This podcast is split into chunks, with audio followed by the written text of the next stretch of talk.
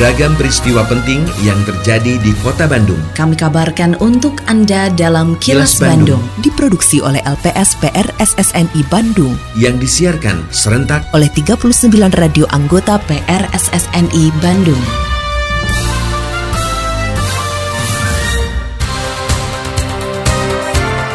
Sejumlah informasi aktual kami hadirkan untuk Anda dan inilah informasi utamanya. Kepala daerah diminta tertibkan pungli di lokasi wisata. Calon dewas dan direksi Perumda Pasar harus kuasai ekonomi bisnis dan isu sosial. Polda Jabar razia belasan ribu knalpot bising. Saya Santika Sari Sumantri, inilah kilas Bandung selengkapnya.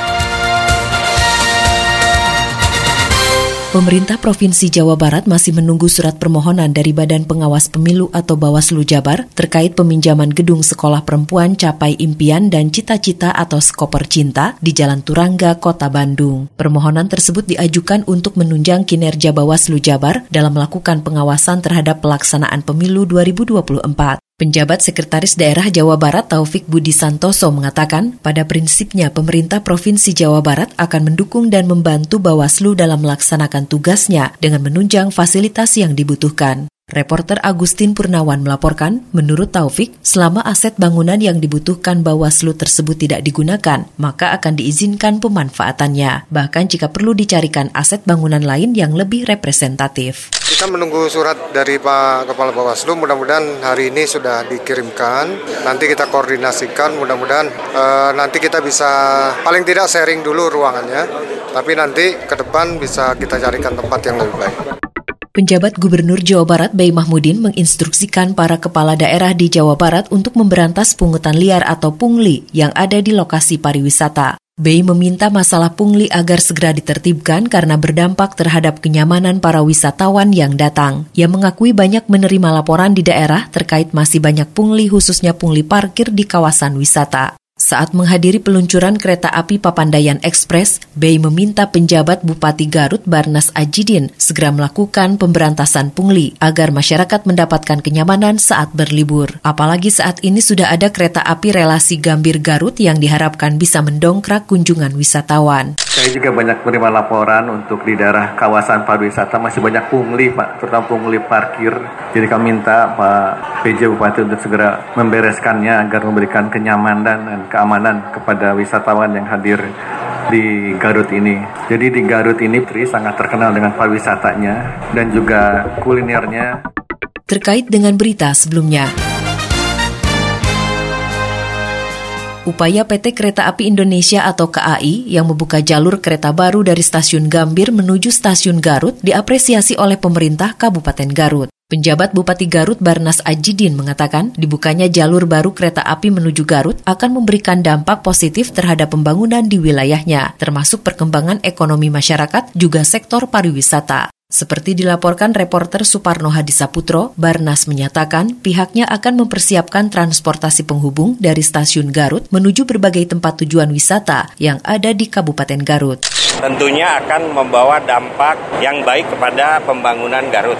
Kita tahu untuk mencapai Bandung dan Jakarta, kita itu punya problem kemacetan. Dan insya Allah dengan kereta api kita akan jelas sampai ke tujuan. Oleh karena itu kami mengapresiasi pada pemerintah pusat dan Gubernur Jawa Barat yang sudah mensinergikan sehingga Kabupaten Garut diberikan kesempatan untuk transportasi kereta api ini. Yang tentunya perekonomian Garut harus mempersiapkan terhadap kondisi ini di mana nanti harus ada moda-moda ataupun transportasi yang bisa menjangkau tempat tempat-tempat rekreasi dari stasiun ini. Bagaimana supaya aman, nyaman, cepat, dan tepat terhadap fasilitas yang bisa diberikan.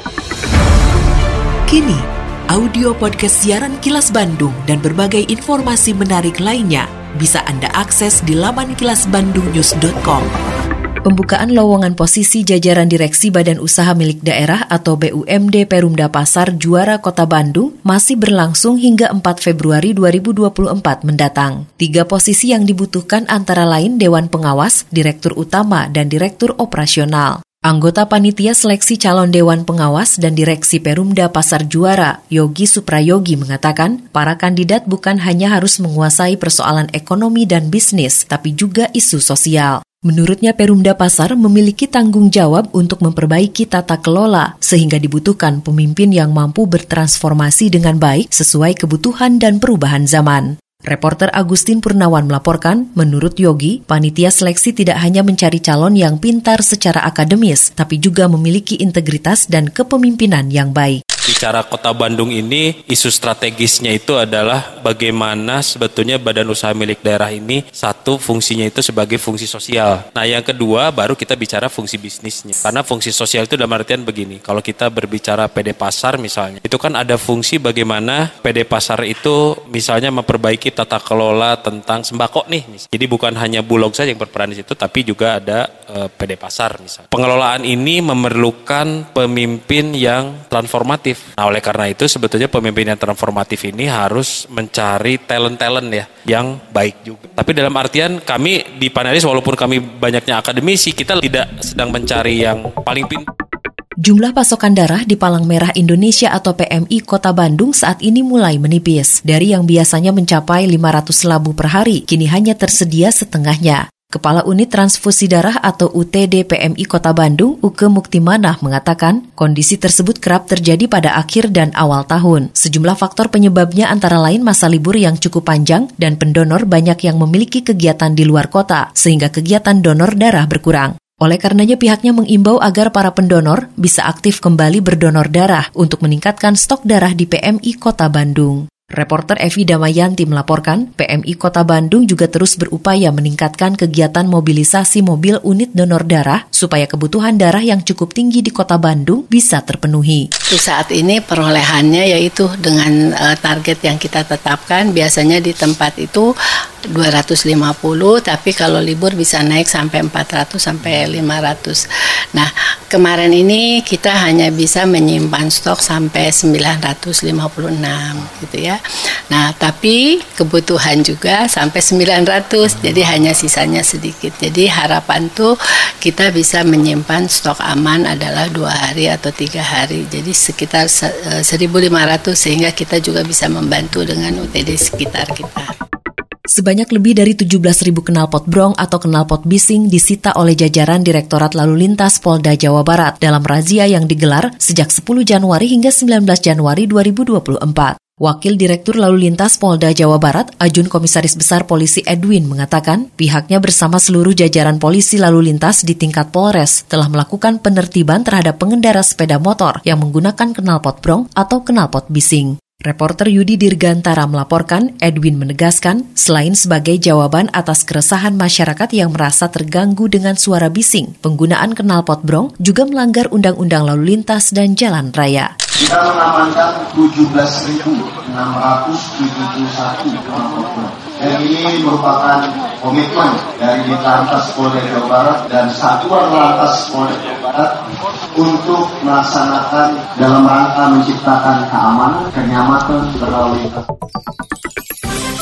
Terima kasih Anda telah menyimak kilas Bandung yang diproduksi oleh LPSPR SSNI Bandung.